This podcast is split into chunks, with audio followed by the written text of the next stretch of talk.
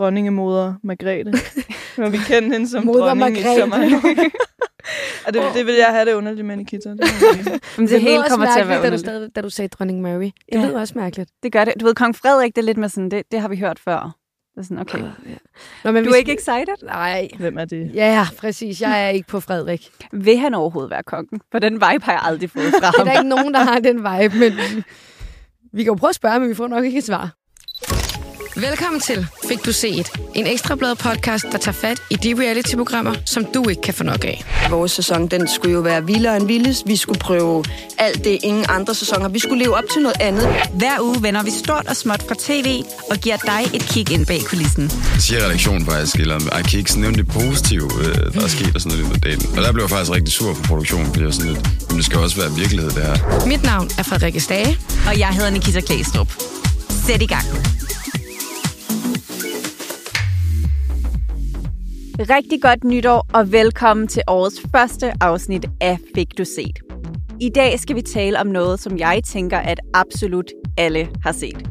Nemlig dronning Margrethes nytårstale, hvor i at hun annoncerede, at hun simpelthen ville abdicere. En person, der ikke er abdiceret, selvom man godt kunne tro det, baseret på de sidste to afsnit, det er Frederikke Stage, som simpelthen er blevet rask og kommet tilbage til os. Ja, det er dejligt. Jeg er blevet rask. Øh, stadig lidt kriller i halsen. Øh, men nu er jeg og er klar til at tale om den nok mest historiske nytårstale nogensinde. Og så har vi et par gæster med i studiet i dag. Emma Busk, du er underholdningsjournalist. er og så, korrekt. Ja, velkommen til. Og så har vi Emily Schmidt, du er journalist på vores Breaking-redaktion. Også velkommen til dig. Tak. I er jo med i dag, fordi I begge to var på arbejde øh, under nytårstalen, og jeg tænker, at vi lige starter med at høre et lille bid fra talen. Den 14. januar 2024, 52 år efter at jeg efterfulgte min elskede far, vil jeg træ- træde tilbage som Danmarks dronning. Jeg overlader tronen til min søn, kronprins Frederik. Ja, Kuldegysninger. Ja, jeg fik, altså mine hår, de rejste sig på armene, da jeg så det. Og hvad med jer to, Emily og Emma? I var jo på arbejde. Altså, det er jo meget sjovt at høre igen, fordi allerede da hun var i gang med at sige det der, der var vi jo i gang med at gå lidt i panik og tænke, hvad gør vi? Ja. Ja. Så jeg har faktisk nærmest ikke engang hørt, hvad hun siger efter det der heller, fordi Nej. der var vi allerede i gang med at, at sende nyheden ud. Ja. Altså, jeg får hjertebanken og nærmest sådan posttraumatisk stress af at høre det, vil jeg sige. ja, der skal vi lige huske på, Emma, du, det er jo dig, der er underholdningsjournalisten. Og altså, hvordan var det for dig at høre den her ting? Altså, vi havde slet ikke set det komme. Nej. Det kom som et chok for os, ligesom hele resten af Danmarks befolkning. Det har også været fremme i flere forskellige medier, at der ikke er ret mange, der har kendt til det her, og det havde, øh, havde vi heller ikke. Så øh, vi blev fuldstændig lige så overraskede som alle andre ude i stuerne. Og hvordan foregår det så? Fordi altså, jeg sad i Paris og så nytårstalen, og så fik jeg bare en breaking, før hun gik af. Og så tænkte jeg, nu, det, det sker nu, det sker nu. det kan jo nok være, fordi at vi har set det online, så der er noget der. Ikke? Hvordan foregik det sådan helt praktisk inde på redaktionen? Jamen, altså, vi sad jo øh, i vores stiveste pus, som man jo gør nytårsaften, og så talen. Og jeg sad, Sushien var lige ankommet også. Vi øh, var klar til at spise efter. havde drukket det første glas champagne. Eller to.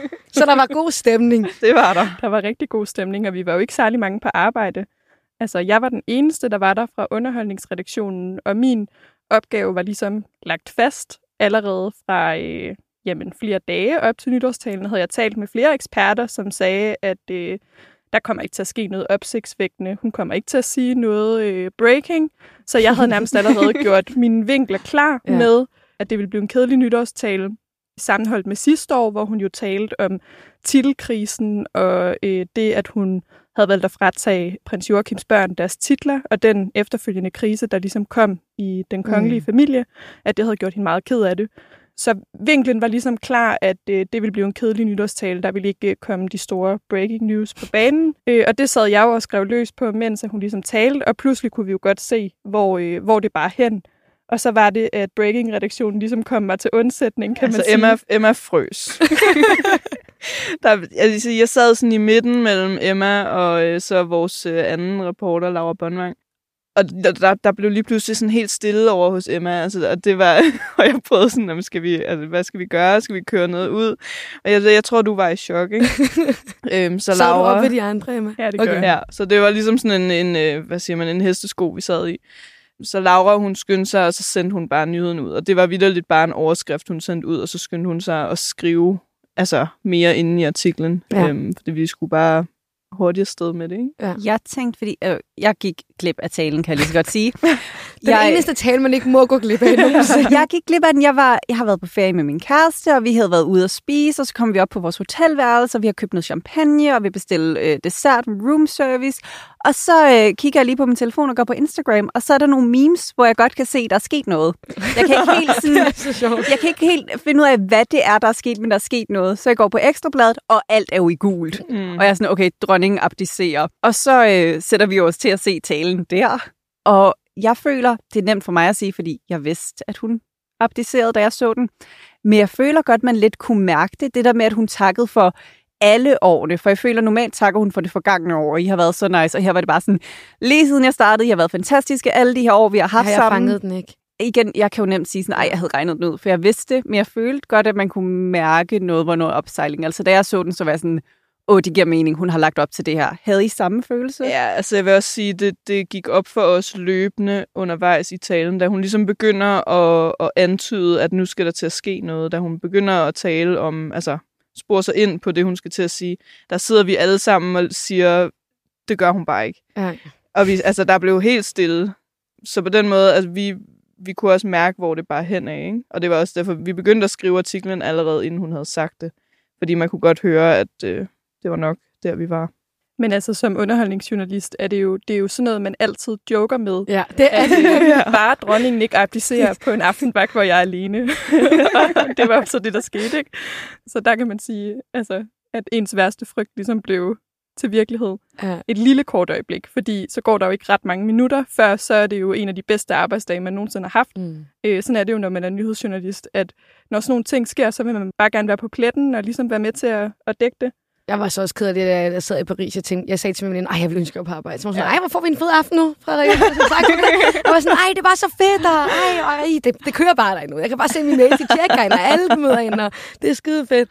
Men altså, så, så kommer nyheden ligesom ud, og hvad sker der så sådan i løbet af af aftenen? Jamen, der går jo ikke ret mange minutter fra vi har breaket nyheden til, at så begynder vores kolleger jo at ringe herind, og altså, vi rykker, os der er på Rådhuspladsen på redaktionen, rykker jo sammen, og ligesom jamen, helt i panik begynder at tale om, hvad skal næste skridt være. Og jeg tror, hvad går der maks fem minutter, så er jeg ude af døren Ja. øh, sammen med fotograf Kenneth Meyer i min nytårskjole og høje hæle, øh, nylonstrømper, ud til Amalienborg for ligesom at, okay. Øh, at fange nogle almindelige mennesker. Øh, fordi det er jo noget af det, vi går allermest op i på Ekstrabladet, det er ligesom sådan den almindelige danskers syn på de her sager. Så det var selvfølgelig vigtigt, at vi skulle nå det inden avis-deadline, ligesom at have nogle, nogle ansigter på, og nogen, der, der mente noget Mm. øh, om det her. Så det var bare ud i kulden og øh, ud med mikrofonen. Og på Rådhuspladsen, så satte I jo gang i en masse opfølgninger. Der var folk, der bød til vores kolleger, ringede ind og, og hjalp ligesom med at ja, kom, kom godt rundt om den her nyhed, Ja. selvom altså- at det jo var nytårsaften. Nogen arbejdede hjemmefra og skrev lige en artikel hjemmefra, øh, mens nytårsfesten kørte i baggrunden, og andre kom ind. Så det var jo vildt fedt at opleve. Altså jeg tror, det var helt klart den første sådan halve time, 40 minutter, det var der, det var mest kaotisk. Altså egentlig også bare op i mit eget hoved. Ja. Med sådan at overskue, okay, hvem gør hvad, og hvad skal vi... Altså jeg har ikke prøvet at dække, at en uh, dronning abdicerer Det er fra. der sgu ikke jeg har prøvet. Øh, så det var det der med at få sig et overblik. Og da vi først havde det, så, så begyndte det egentlig sådan at køre rimelig, øh, rimelig godt. Men vi, vi startede jo fuldstændig fra bunden, Mm. ikke? Altså. Hvornår fik I så spist sushi? Jamen, jeg tror sådan, efter halvanden time, så rejste jeg mig op. Jeg sad jo med og redigerede forsiden. Så rejste jeg mig op og fik sat lidt forskellige bakker sushi rundt til de forskellige folk, så man lige kunne sidde og øh, hamre lidt øh, ruller ind ved siden af, at, øh, at vi arbejdede. Vi havde ellers planlagt, at vi rigtig skulle sidde væk fra computeren og høre lidt musik. Ja, I skal være og... sådan stille og roligt. Ja, men altså, i, øh, Laura havde, hvad hedder det, forberedt en quiz, og altså, der var lavet lagt op, ja, altså, der var lagt op til den helt store, stille og rolige nytårsfejring, ikke? Men øh, det blev øh, sushi Margrethe ville det noget andet. Du kommer så ud på Amalienborg. Hvordan altså, er menneskerne derude? Hvordan er stemningen derude? Jamen, det er ret tydeligt allerede øh, de første, vi taler med, at, at mærke, at det, det er jo kæmpestort, og det er historisk. Og flere af dem, vi taler med, fortæller jo om, hvordan de enten har stået på Slotspladsen foran Mm. Amalienborg, mens at dronningen har holdt talen og oplevede det her sus, der ligesom gik igennem folk, lige så snart det gik op for dem, hvad det var, hun øh, var i gang med. Der var også flere af dem, vi talte med, som havde siddet enten hjemme foran fjernsynet eller på vej ind øh, til en eller anden nytårsfest og set talen og ligesom bare havde valgt at lægge vejen forbi Slotspladsen for ja. at komme ind og lige markere det der historiske øjeblik, som det jo var. Og det er jo klart, at når man tropper op på Amalienborg Slotsplads efter sådan en udmelding, så er det jo typisk øh, folk, som er fans af kongehuset, man får Ja, fat på. det er klart. Øh, så det, det kunne man jo godt mærke i forhold til de ting, som, som folk sagde. Vi talte også med en pige, som øh, ligesom dig, Nikita, ikke havde set talen, men som havde, øh, havde fundet ud af det gennem sociale medier og var også ekstremt påvirket af det. Der var, der var en mand, som sammenlignede det med 9-11. Altså, at han øh, tænkte, at man Det i fremtiden sikkert ville kunne øh, ja, huske, hvor man var det øjeblik, Ja. ja. dronningen abdicerede på samme måde, som mange kan huske, hvor de var det 11. september Mm. i 2001. Og hvad så nu? Hvad skal der ske nu? Ved vi det? Altså, der er jo stadigvæk øh, helt ekstremt mange ubesvarede spørgsmål. Som jeg også sagde tidligere, så virker det som om på altså alt, hvad vi hører fra eksperter og, og de kilder, vi taler med, at det er en meget snæver kreds omkring dronningen, der har kendt til den her beslutning. Så det er jo svært ligesom at gisne om, men den melding, vi får fra kongehuset, er, at, øh, at de ligesom vil opdatere hjemmesiden løbende mm. med proceduren og planen for, hvordan tronskiftet skal foregå. Så det virker jo ikke til, at de ligesom har en fuldstændig klappet og klar plan, øh, som de bare har hævet op af skuffen, og som de kan præsentere dagen efter, at øh, dronningen er kommet med den her udmelding. Det er faktisk noget, der har undret mig lidt. Jeg, Ja. jeg ved ikke, om du ved, hvorfor det er sådan, men det der med, at, at man ikke bare, altså nærmest det sekund, det blev meldt ud, har lagt en færdig Ja. ja. plan ud på hjemmesiden, fordi det kan vel ikke komme som en overraskelse for kongehuset. Nej, altså det vi øh, hører fra eksperterne, det er, at øh, dronningen har været ekstremt varsom med, hvem hun har indvidet i den her plan, at det har, hun har holdt det til nogle folk meget tæt på sig, sine nærmeste rådgivere, for ligesom at undgå, at det siver simpelthen. Mm. Øhm, og på den måde tænker jeg jo også, at der ikke er blevet sat et kæmpe øh, apparat i gang for ligesom at lægge planen. Øhm, men Men altså, så det, selv medarbejdere i kongehuset har været i chok, måske. ja, det er jo svært at sige. Altså, det, jeg ved jo kun, hvad, hvad jeg ved fra de eksperter, vi taler ja. med.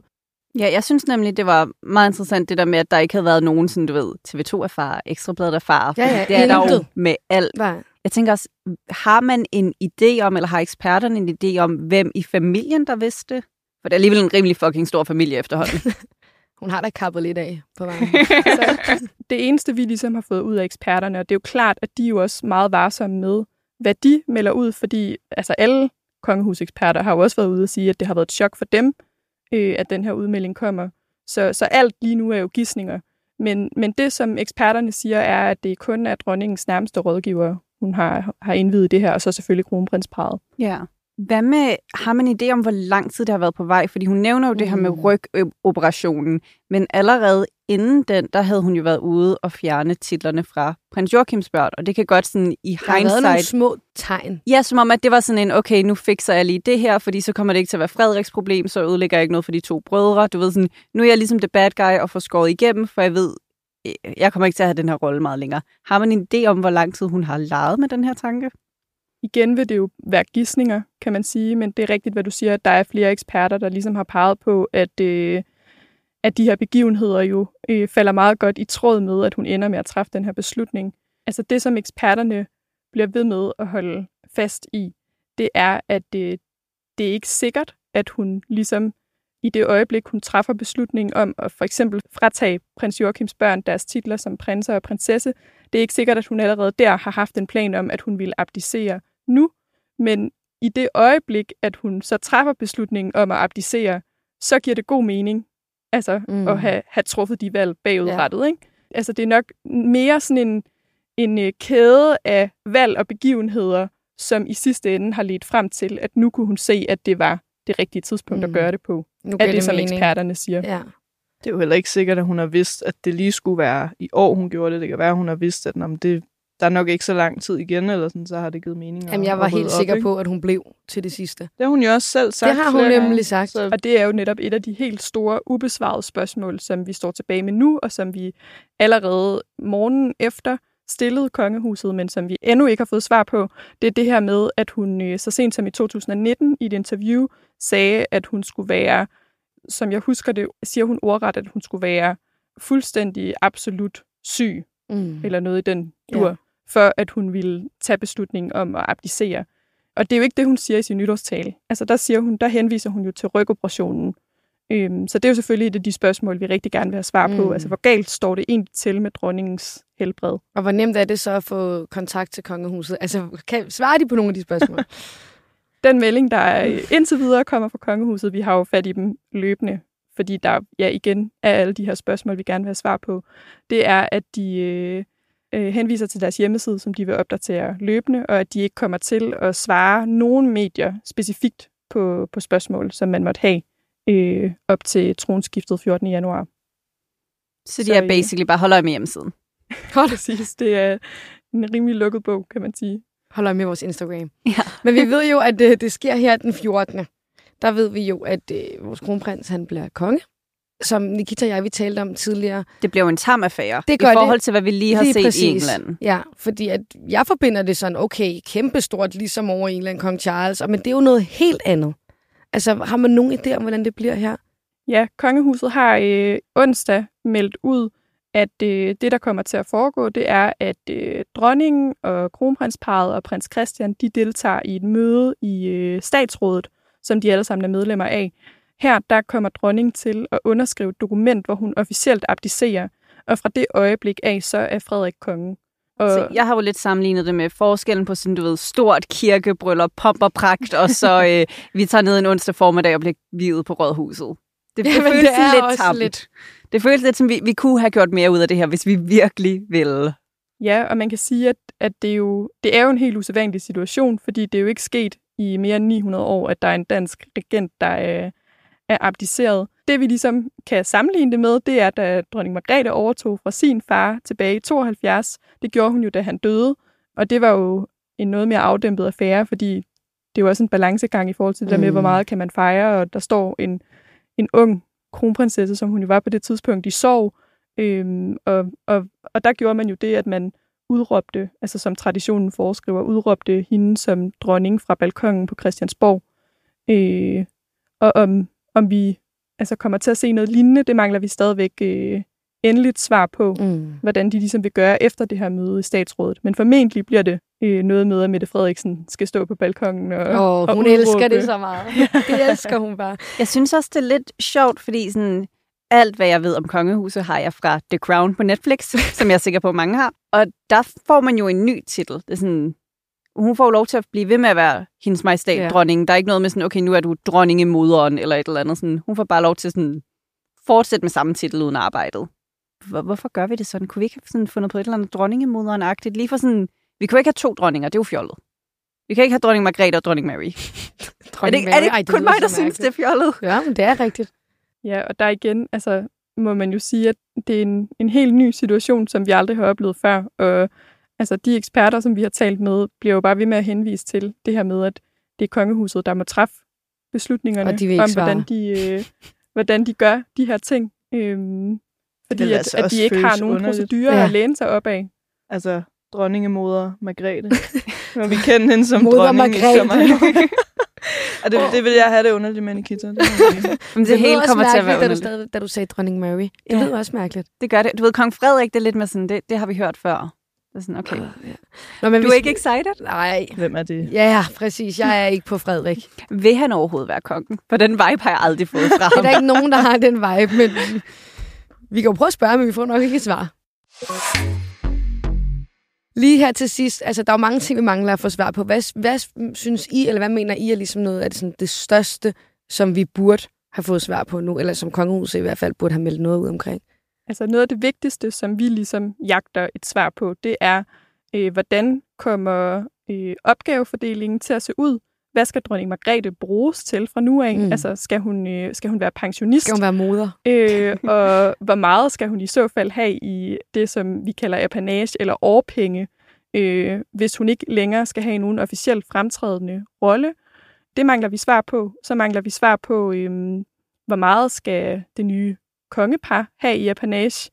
Øh, hvad skal deres opgaver være? Skal det være det samme, som Margrethe har, øh, har varetaget indtil videre, eller hvordan kommer det til at se ud? og så har vi jo kronprins Christian, som han kommer til at hedde, øh, fra, fra den 14. januar. Hvad bliver hans opgaver, og hvor meget skal der følge med i lønningsposen i den mm. forbindelse? Mm. Altså det, det tænker jeg er et af de helt store spørgsmål. Ja. Fordi og ikke jo... mindst, hvad bliver Casanovas titel? Åh, oh, ja, det mangler de jo også stadigvæk at svare på. Der, der er mange ting. Emilie, er der noget, du tænker, som du godt vil... Øh, nu sidder du på en anden redaktion, men jeg tænker, at... Øh, jeg tror for mig er det måske mere sådan som privatperson, ja. at jeg er virkelig spændt på bare sådan at se Frederik i den her ja, øh, rolle, fordi det, det bliver godt nok anderledes. Altså, det må man sige. Og vi har været vant til Margrethe så længe, ikke? Ja. Så jeg glæder mig rigtig meget til nytårstalen næste år.